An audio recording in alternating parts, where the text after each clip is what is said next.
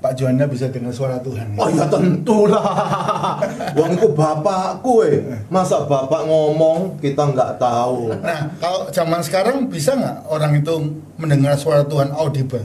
Wow, ini menarik sekali, audible. Ada yang rame ini tentang puasa menuju audible. Menurut Pastor itu harusnya bukan tujuan puasa seperti itu ya. Nah, itu ritual. Menurut Pastor Juanda gimana kalau orang nonton horor? Jangankan nonton film horor, jangan keseringan ngomong tentang hantu di gereja. Kalau di, di luar film kebenaran firman Tuhan, maka itu adalah hal yang menyimpang, ya, keliru. Ya. Bagaimana Pak? Keliru, salah sama apa Pak? Iya. Tingkatannya gimana? Keliru, salah dan sesat. Iya, keliru, ini salah. nyari dan masalah. Pastor ini.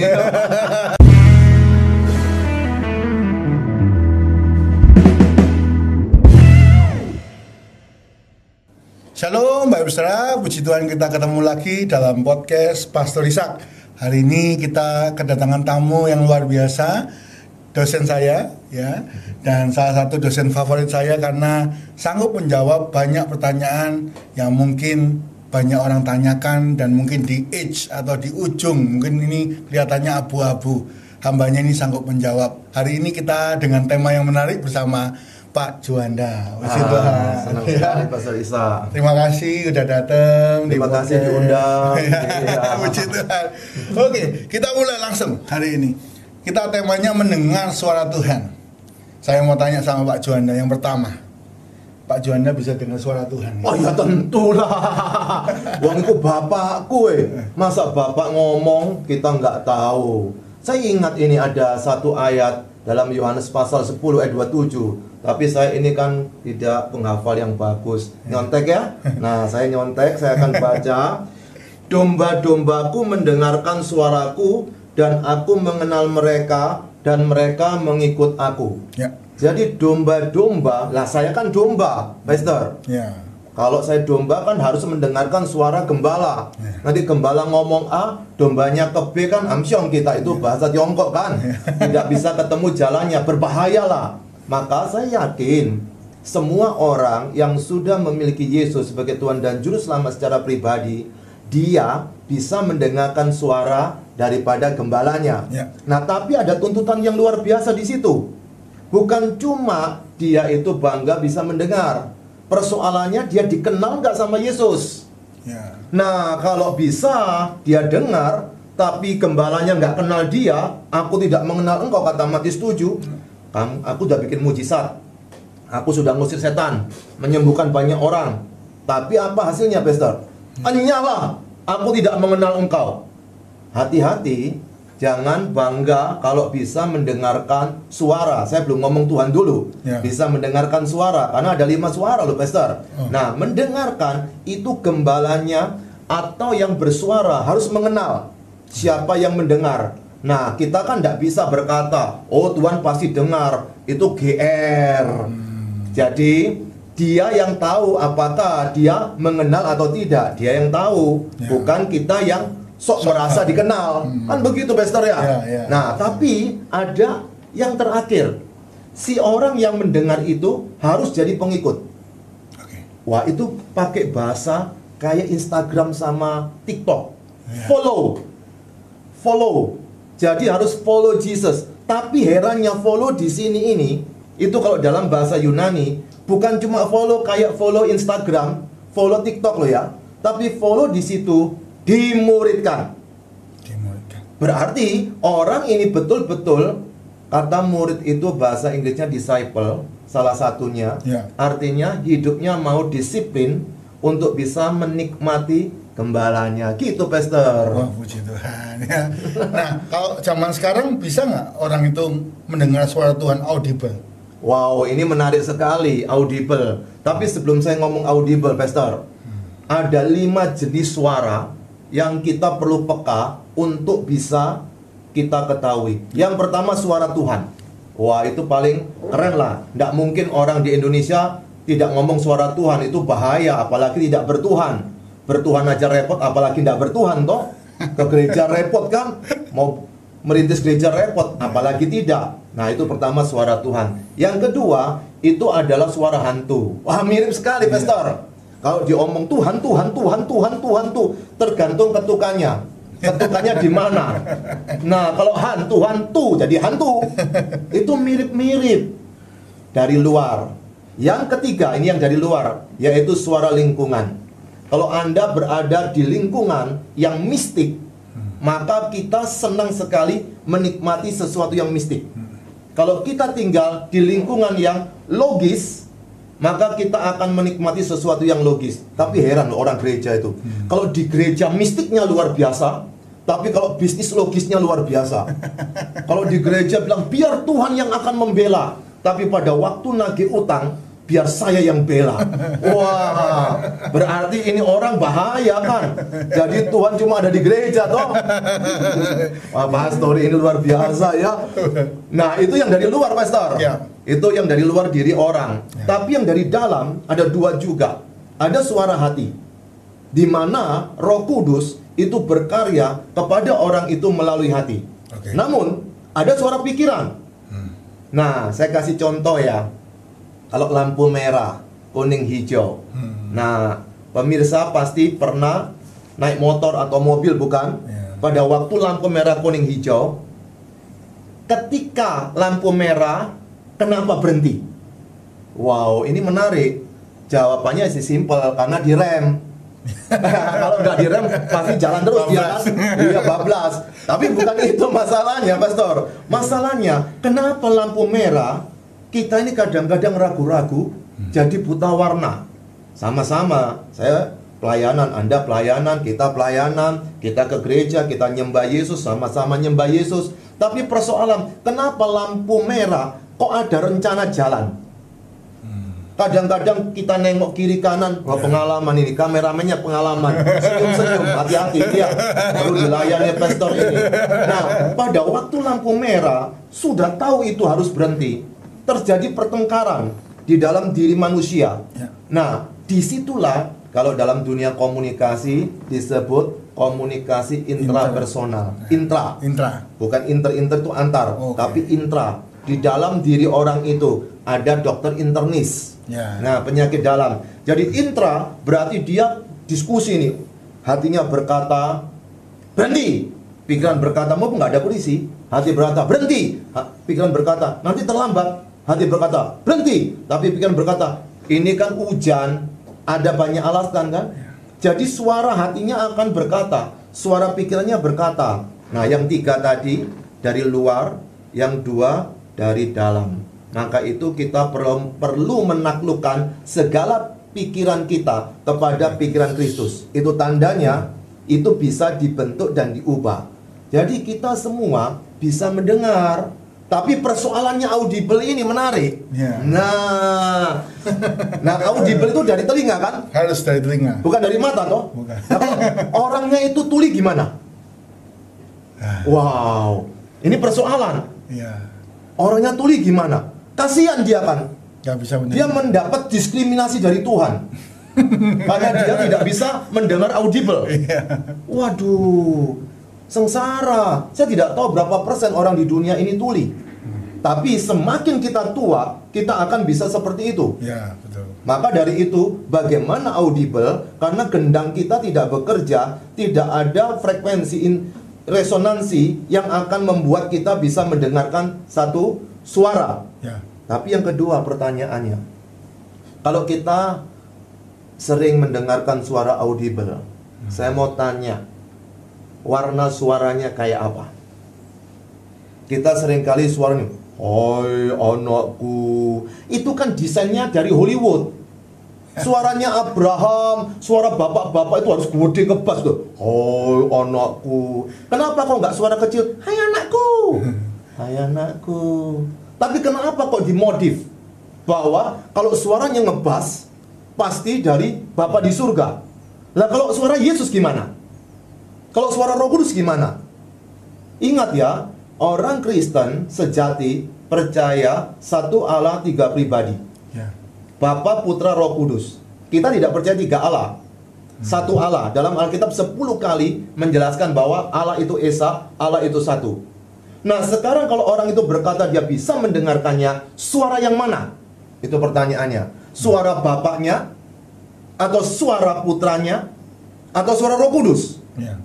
Nah, warna suara itu tolong dipikirkan.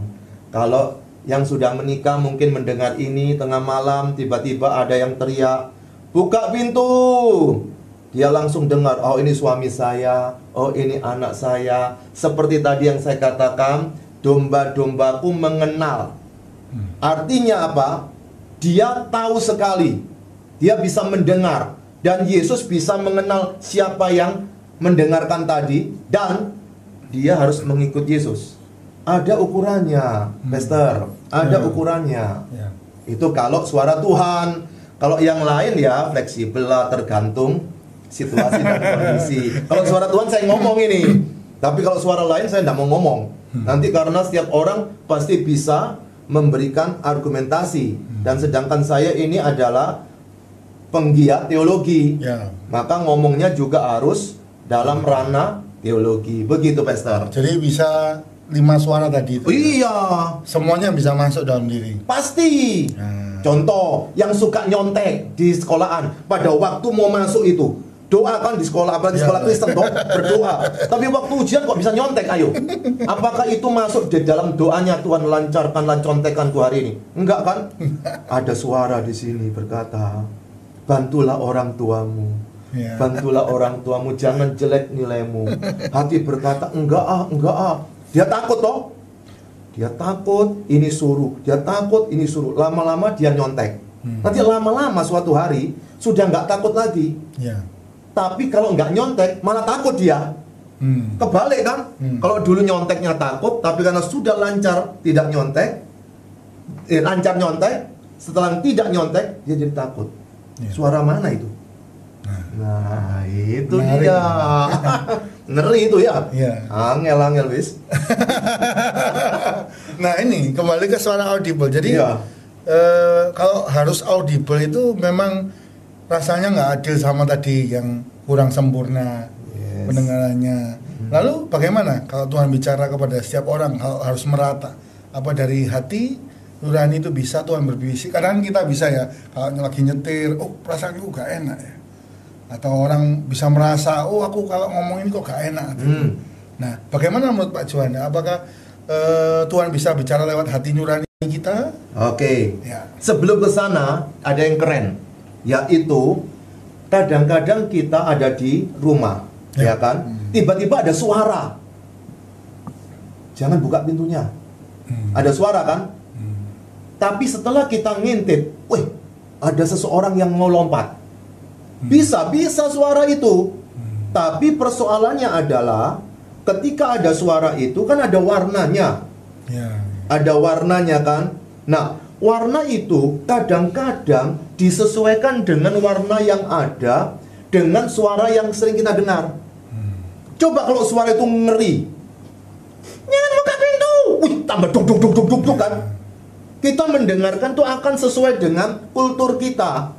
Jadi kayak suaramu tadi ya, Pak. Kayak suaramu ya, Ma. Kayak suaramu ya, Nak. Ada yang bilang jangan buka pintu bahaya. Nah, di situ bisa. Bisa, bisa. Tuhan bisa bicara untuk kepentingan tertentu yang sifatnya personal untuk menolong dirinya mendapatkan apa yang Tuhan inginkan.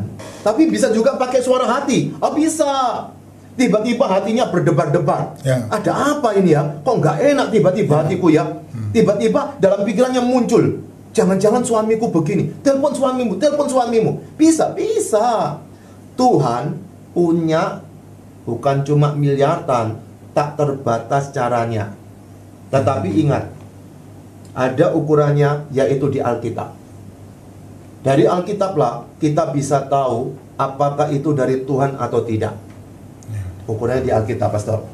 Kira-kira ukurannya seperti apa? Juanda? Ukurannya kalau kita mau belajar seperti yang saya bacakan tadi, saya baca sekali lagi. Ini menarik. Ini kalau di exegesis, oh itu menarik, itu digali. Itu Ya. menarik. Perhatikan, domba-dombaku Hmm. mendengarkan suaraku dan aku mengenal mereka dan mereka mengikut aku. Ada tiga hal yang menarik: mendengarkan, mengenal, mengikut. Saya katakan tadi mengikut itu bukan cuma follower, tetapi follower yang seorang murid, pengikut yang seorang murid. Nah, ciri tiga ini harus dipegang tiap hari.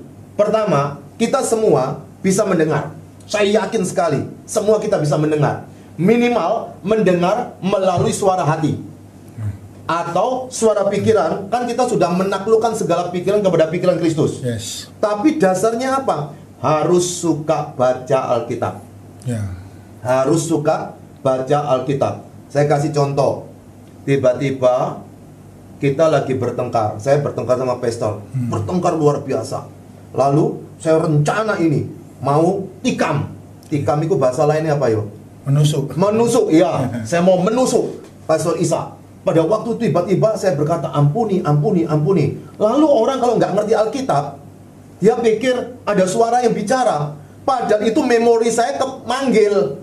Kan saya pernah baca dalam Alkitab, ampuni, ampuni, ampuni. Begitu kan? Itu akan keluar sendiri. Maka itu apa yang kita sering ucapkan itu akan terekam ketika kita memasukkan data sebanyak mungkin. Kalau nggak ada data yang masuk, itu tidak akan muncul. Tetapi ingat, dalam karya Roh Kudus, Roh Kudus salah satu tugasnya adalah mengingatkan kita kepada firman Amen. apa yang Yesus sudah kerjakan. Nah, ketika mengingatkan itulah bicara tentang persoalan kita mendengarkan apa yang sedang Tuhan ingin kita lakukan. Hmm. Di situ, Pastor. Ya, jadi nggak selalu audible ya, Pak John. Iya, enggak selalu. Kalau mau audible enggak apa-apa juga, tapi warna suaranya harus jelas. Yang kedua jangan diskriminasi ya. Itu.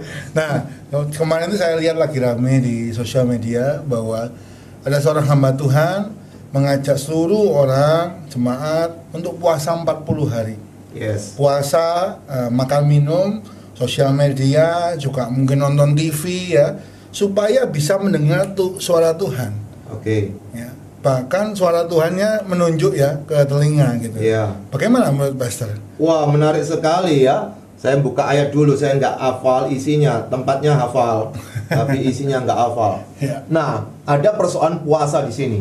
Kalau kita belajar di dalam Alkitab dengan jujur, dengan jujur ya, entah itu kasus Esther, entah Daniel, entah Yesus, ketika mereka berpuasa, tidak ada satupun tujuan untuk diri sendiri. Kalau mau jujur loh, kalau mau jujur, berpuasa dalam Alkitab itu sedang fight, sedang menghadapi persoalan di luar, bukan untuk kepentingannya. Esther untuk kepentingan siapa? Bangsanya. Daniel untuk siapa? Yesus untuk siapa? Semua untuk luar. Lalu kok ditanya, lalu puasa kita gimana? Nah, saya bacakan aja daripada nanti Anda tidak tahu dikira saya mengarang indah. Yesaya 58 ayat 6 dan 7 berkata, Berpuasa yang ku kehendaki ialah supaya engkau membuka belenggu-belenggu kelaliman dan melepaskan tali-tali kuk supaya engkau memerdekakan orang yang teraniaya dan mematahkan setiap kuk supaya engkau memecah-mecahkan rotimu bagi orang lapar dan membawa ke rumahmu orang miskin yang tak punya rumah dan apabila engkau melihat orang telanjang supaya engkau memberi dia pakaian dan tidak menyembunyikan diri terhadap saudaramu sendiri jadi ada delapan hal yang kita perlu kerjakan ketika berpuasa bukan semedi Kekristenan tidak pernah mengajarkan semedi. Kenapa? Yesus pernah berkata, "Kamu adalah garam dunia." Dia tidak pernah berkata, "Kamu harus jadi garam." Kalau harus jadi garam, belum jadi dong. Kamu harus jadi terang, belum jadi. Tapi dikatakan, "Kamu adalah garam dunia dan kamu adalah terang dunia." Maka orang Kristen tidak boleh menyepi, tapi petarung-petarung sejati kayak ikan cupang. tahu ikan cupang? Itu dia, keren tapi suka tarung dia. Saya tahu karena saya pelihara. gitu. Suka ikan cupang juga. Iya, cupang enak itu. Jadi maksudnya harus berdampak di tengah eh, Komunitas. Komunitas, betul. Yes. Jadi nggak bukan yang kayak semedi masuk Ada di Alkitab ngajarin gitu. Yesus tuh berpuasa doa karena dia mau tarung besoknya. Yesus 40 hari dia berpuasa. Setelah itu apa yang terjadi dia? Coba. ya. Lah, nggak langsung enak, Pastor.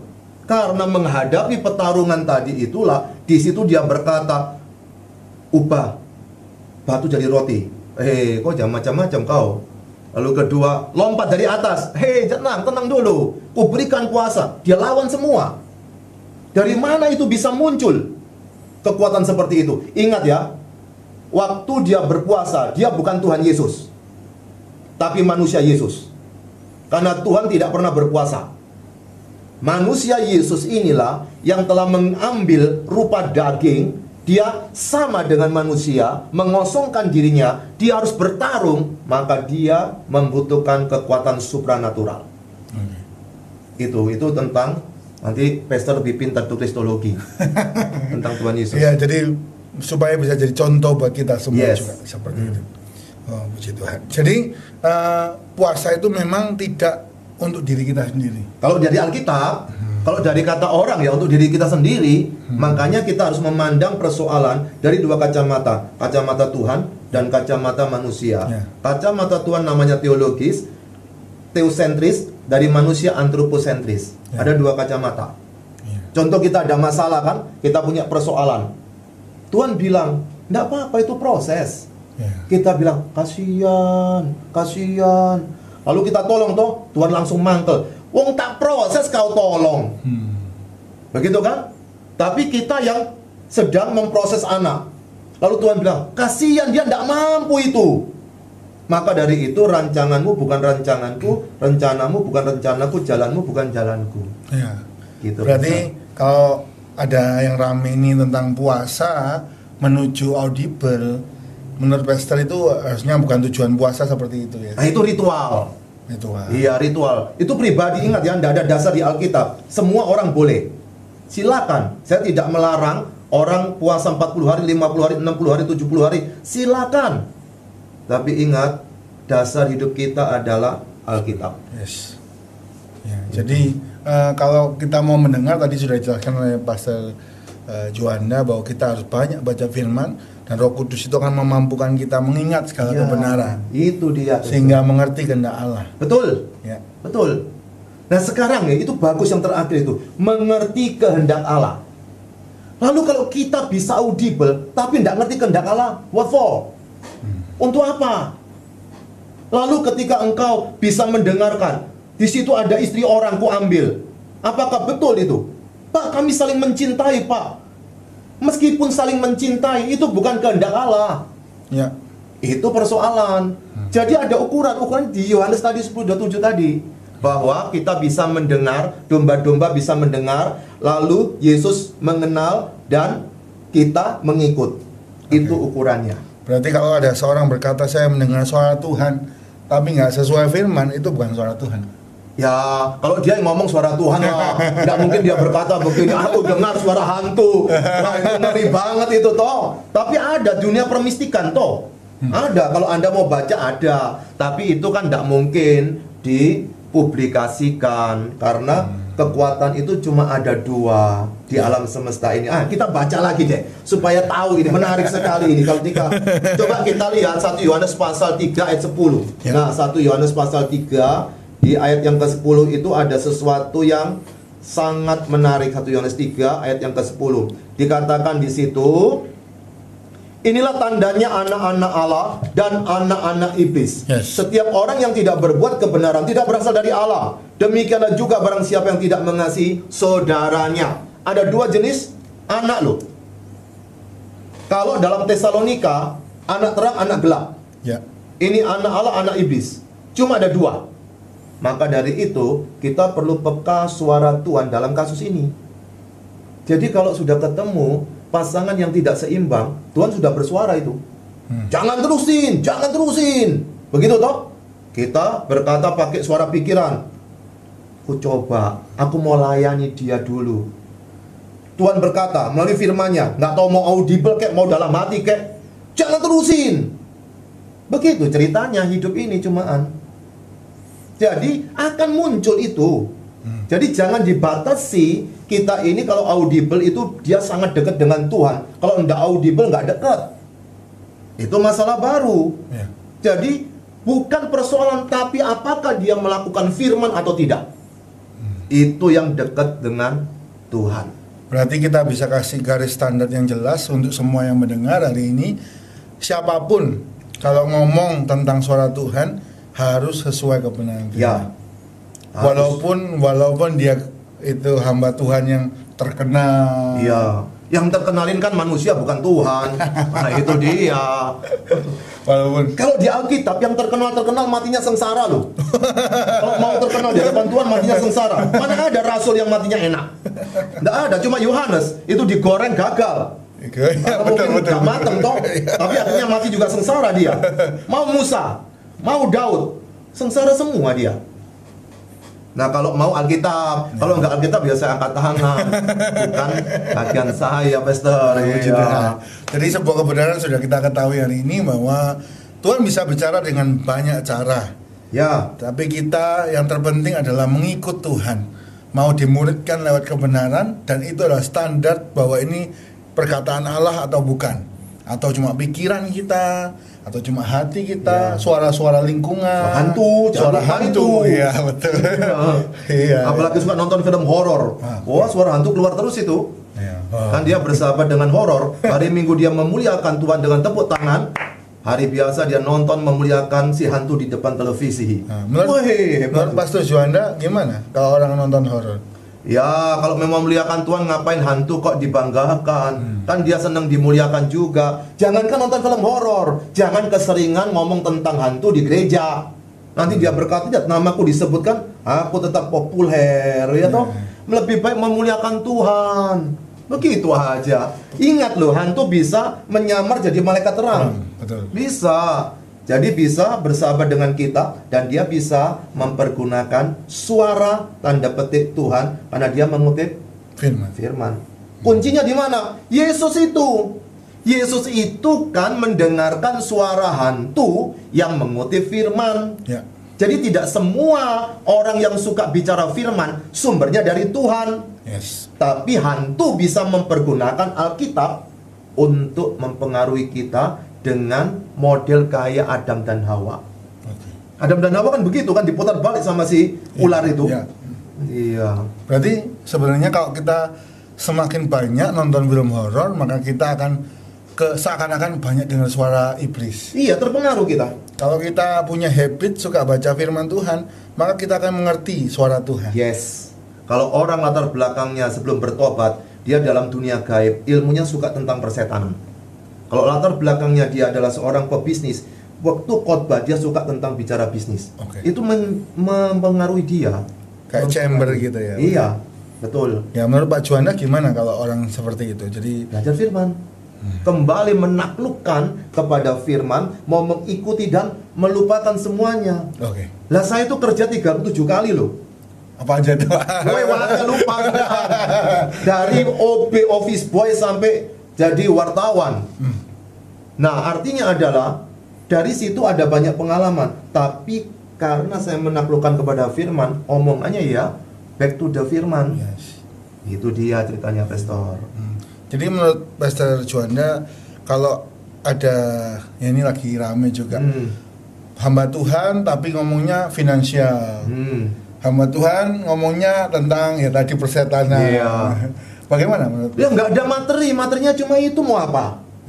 Nah cuma materinya cuma itu yang dia tahu, yang dia kuasai.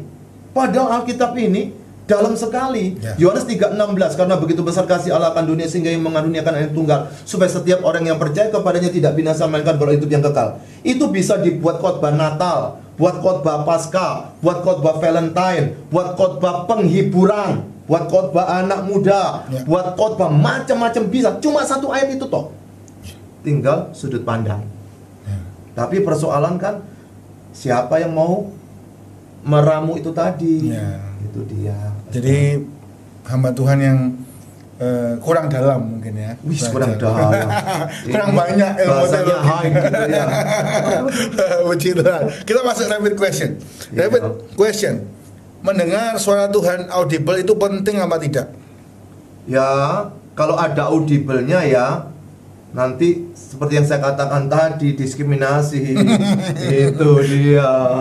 Jadi kalau audible Mendengar, iya wajib. Hmm, Oke.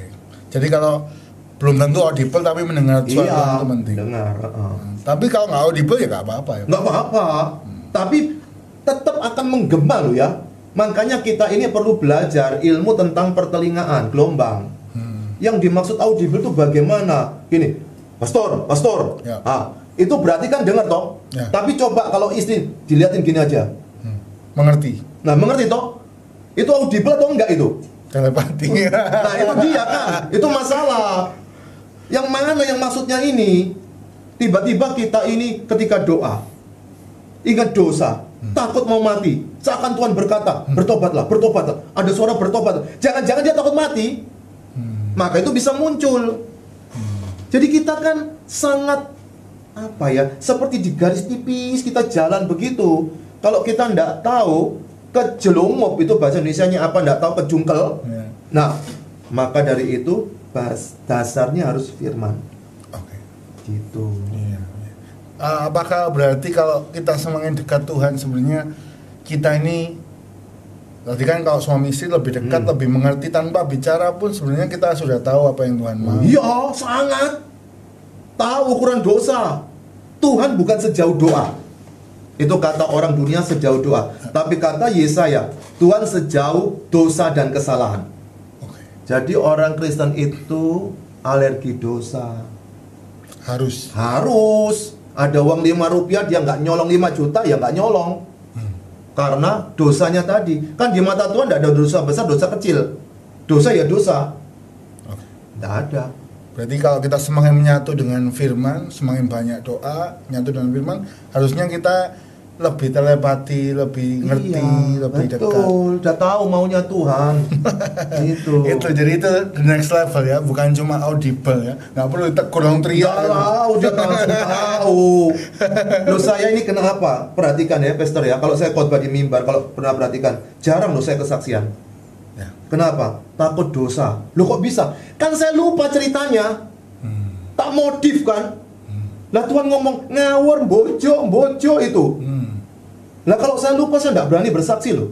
Ya, Harus tepat. Harus tepat, nggak boleh bohong. Jangan pikir Tuhan itu pengampun, lalu kita seenaknya. Oh, no, nggak bisa. Ya. Itu yang perlu kita Ya. peka. Ya, kita harus back to Bible. Iya. Harus sesuai standar. Kalau mau bersaksi pun persiapan. Ya. Jangan tiba-tiba, eh Tuhan bicara. Kalau keliru ya apa? Ayo. Tuhan memang mengingatkan, ingat toh utangmu bayaran gitu toh. Tapi setelah itu perinciannya kan lupa kita, iya kan? Nah di situ perlu hati-hati. Oke. Yang kedua, rapid question. Hanya orang tertentu saja yang bisa mendengar suara Tuhan atau semuanya? Semua anak Tuhan, Oke. karena gembala harus dengar domba. Ayo kebalik, domba dengar gembala. Oke. Itu semangat itu. Ngajar teologi apa khotbah, Pak Jona? Ngajar teologi Atau apa khotbah. khotbah. Khotbah. Karena dalam khotbah ada ngajar teologi. Iya, saya sebenarnya sangat diberkati oleh Pak Juanda lewat pengajarannya. Salah satunya bisa menjelaskan dengan terinci ya, eh, membedakannya bagaimana gitu ya. Oke, kita sampai di penghujung. Padahal masih pintaran Pastor Isa loh, betul. Puji Saya ini bodoh bin goblok aslinya, terus terang. Tapi tadi itu dalam Alkitab ada 18 karunia. karunia. Ya. Saya tidak punya karunia penglihatan. Hmm, Saya tidak punya karunia memberi, tapi memberi. ya. Saya tidak punya karunia menginjil, tapi menginjil. Ya. Tapi saya ada karunia mengajar, berkhotbah dan menasihati. Ya. Dan dulu saya tidak seperti begitu. Nah itu, dan itu bisa dilihat di salam hati gembira. Oh, oh iya, iya. Oh iya, betul juga Pak Juanda punya YouTube, Apa iya, salam hati gembira. Salam hati Itu gembira. pendek-pendek. Ya. Jadi eh, ya nggak mungkin sebenarnya saya lebih pintar dari dosen saya kan nggak mungkin ya. Saya mengajar supaya mahasiswa lebih pintar. Iya. Bahaya nanti Tapi- kalau saya dipanggil Tuhan, nggak ada lagi. Iya, kita diberkati Tuhan kemampuan dan hari ini pengen sekali sharing sama semua yang mendengar supaya kebenaran ini memberkati kita semua. Jadi jawaban. Mungkin banyak orang Kristen bingung ya. Aduh, dengar suara Tuhan, ada hamba Tuhan dengar suara Tuhan, ini dengar suara Tuhan, lalu bertabrakan. Yang mana yang benar? Hal ini sudah jelas. Yang benar adalah yang sesuai kebenaran firman Tuhan. Kalau di, di luar firm, kebenaran firman Tuhan, maka itu adalah hal yang menyi- menyimpang, ya, keliru. Bagaimana Pak? Keliru, salah sama apa Pak? Iya. Tingkatannya gimana? Keliru, salah dan sesat. Iya, keliru, salah. Ini nyari masalah. Pastor ini. Iya, jadi kita mesti hati-hati sekali. Nah, saya saya mumpung ingat, Pastor kalau urusan pribadi personal itu eh, kan kadang orang harus milih A dan B pergi dan tidak ini dan itu. Pasti Tuhan mengingatkan lewat firman atau bagaimana? Bisa. Makanya itu kita harus berdoa. Saya kasih gambaran. Kemarin ada kasus pesawat jatuh, Ya. ya kan? Ada orang ngotot, tapi dia marah Ya. gara-gara akhirnya nggak jadi berangkat, Ya. dia selamat. Itu kan Tuhan bisa bicara melalui itu, Ya. kasus itu. Siapa tahu hidupnya berubah setelah itu kan? Jadi kalau hati kita damai, nyaman, belum tentu dari Tuhan. Tapi kalau jalannya bergeronjal, hati kita rasa berat, bisa jadi dari Tuhan. Inilah uniknya Tuhan dalam Alkitab, tidak bisa dikendalikan oleh akal kita. Tidak bisa. Maka tugas kita adalah jangan melawan firman, itu dosa. Tetap berdoa kepada Tuhan, karena tidak berdoa juga dosa. Karena perintah kan. Ya. Maka kita lakukan itu. Nanti otomatis kalau kita punya relasi yang bagus dengan Tuhan, ada banyak cara Tuhan menegur kita. Ibrani Tuhan. 12. Puji Tuhan. Iya. Pesan terakhir untuk pemirsa yang mendengar kita hari ini. Sesa. Suka baca Alkitab, baca Alkitab, baca Alkitab. Nggak ngerti, baca. Nggak ngerti, baca. Kan saya bilang baca. Ya. Kenapa? Kalau kita suka baca, nanti kita akan banyak punya pengalaman petualangan rohani dengan Tuhan melalui firman. Yes. Ya, jadi eh, kita harus mengerti semua standar hidup orang percaya itu pada kebenaran firman Tuhan. Ya, kalau penglihatan ya orang mendengar suara Tuhan harus di cross check kembali seperti firman Tuhan, ujilah segala sesuatu. Ya, puji Tuhan, semoga semua yang mendengar diberkati dan podcast kami menjadi jawaban itu yang penting supaya kita semua mengerti apa yang jadi kehendak Allah dan ikut dalam jalan kebenarannya. Mari kita sama-sama berdoa. Bapak terima kasih. Kami boleh datang kepadamu bersama setiap orang yang mendengar juga bersama hambamu Pak Juanda yang sudah membukakan kebenaran. Hari ini memberikan kami pengertian. Kiranya semua yang kami ucapkan kami beritakan hari ini semuanya sesuai kehendak Allah menjadi jawaban bagi banyak orang. Sehingga kekristenan kami tidak bingung tapi kekristenan kami mengerti jalan apa yang jadi kehendak Allah yaitu melalui firman. Terima kasih Tuhan memberkati siap yang mendengar, tumbuhkan rohani kami semakin dewasa supaya kami dapat mengerti kehendak Allah dan serupa dengan Tuhan Yesus. Terima kasih Tuhan, kami juga berdoa untuk hambamu Pak Juanda, Engkau berkati Tuhan keluarganya, pelayanannya, semua yang dikerjakan sebagai dosen, bila engkau berkati menjadi pendidik yang luar biasa, pengkhotbah yang luar biasa, semuanya kembali ke dalam nama Tuhan. Tuhan kau berkati juga penulisan buku, setiap buku-buku yang sudah dibuat menjadi jawaban dan jadi berkat bagi banyak orang. Terima kasih Tuhan, pertemuan kami dalam kesempatan berikutnya di dalam kasih dan berkat Tuhan. Di dalam nama Tuhan Yesus, haleluya. Amin. Amin. Puji Tuhan, eh, bagi semua yang mendengar, eh, bagi yang ingin bertanya lebih lanjut silakan tinggalkan di kolom komentar. Oh, saya ingin tanya tentang ini ya, silakan ketik ya. Jangan lupa subscribe, dukung channel kami. Juga untuk yang ingin share dan yang kalau suka silakan kasih like. Ya, jangan lupa juga ikuti Iya. salam, Salam hati gembira. Oke, biar kita semua jadi berkat, jadi jawaban buat setiap orang yang mendengar. Tuhan Yesus memberkati kita semua.